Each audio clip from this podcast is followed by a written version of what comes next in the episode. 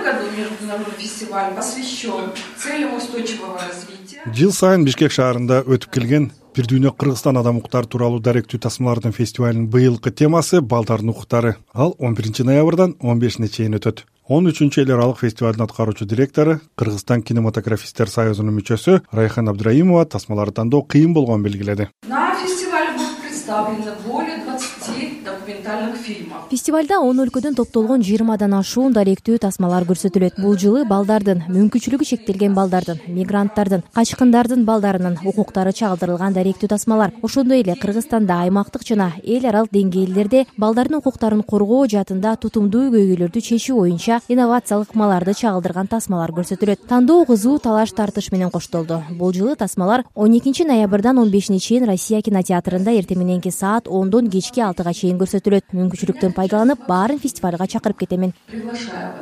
Тет медиа өкүлдөрү менен болгон баарлашууда бир дүйнө кыргызстан адам укуктары боюнча эл аралык фестивалынын аткаруучу директору райхан абдыраимова быйылкы иш чара улуттар уюмунун туруктуу өнүгүү максаттарына жана балдардын укуктары боюнча улуттар уюмунун конвенциясынын отуз жылдыгына арналат. Тасмаларды көрсөтүүдөн тышкары фестивалдын алкагында балдардын укуктары балдарды коргоо жана алдын алуу маселелери боюнча он беш семинар талкуулар өтөт. Фестивалдын уюштуруу тобунун мүчөсү лира асылбек баарлашуулардын натыйжасында кыргыз өкмөтүнө сунуштар берилерин маалым кылды. Мамлекетибиз ушу балдардын укуктарын кандай коргоп атат?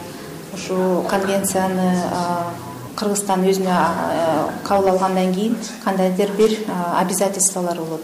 Ошонун негизинде бүгүнкү ситуация кандай? Жана ар бир семинардан эксперттер менен чогуу биздин уюмдар менен чогуу жарандар менен чогуу мамлекетке рекомендациялар арналат. Ушул кандайдыр бир ситуацияны кандайча биз чече алабыз бирликте деп шаршембиде өткөн пресс баарлашууда он үчүнчү фестивалдын концепциясы өнөктүктүн промосу бренд жасалгалары программасы фестивалга удаа өтүүчү иш чаралар тууралуу да маалымат берилди. Бир дүйнө фестивалына быйыл азаттык радиосунун журналисттери да тарткан тасмалар тандалып алынган. он эки жыл аралыгында фестивалда төрт жүз элүүдөн ашуун даректүү тасмалар көрсөтүлгөн. Ар жылы иш чарага беш миңден ашуун адам катышат. Сабыр абдумомунов азаттык бишкек. Про защиту прав про кино просто приходи ведь ты приглашен на кино кинофестиваль дүйнө ведь ты приглашен на кино кинофестиваль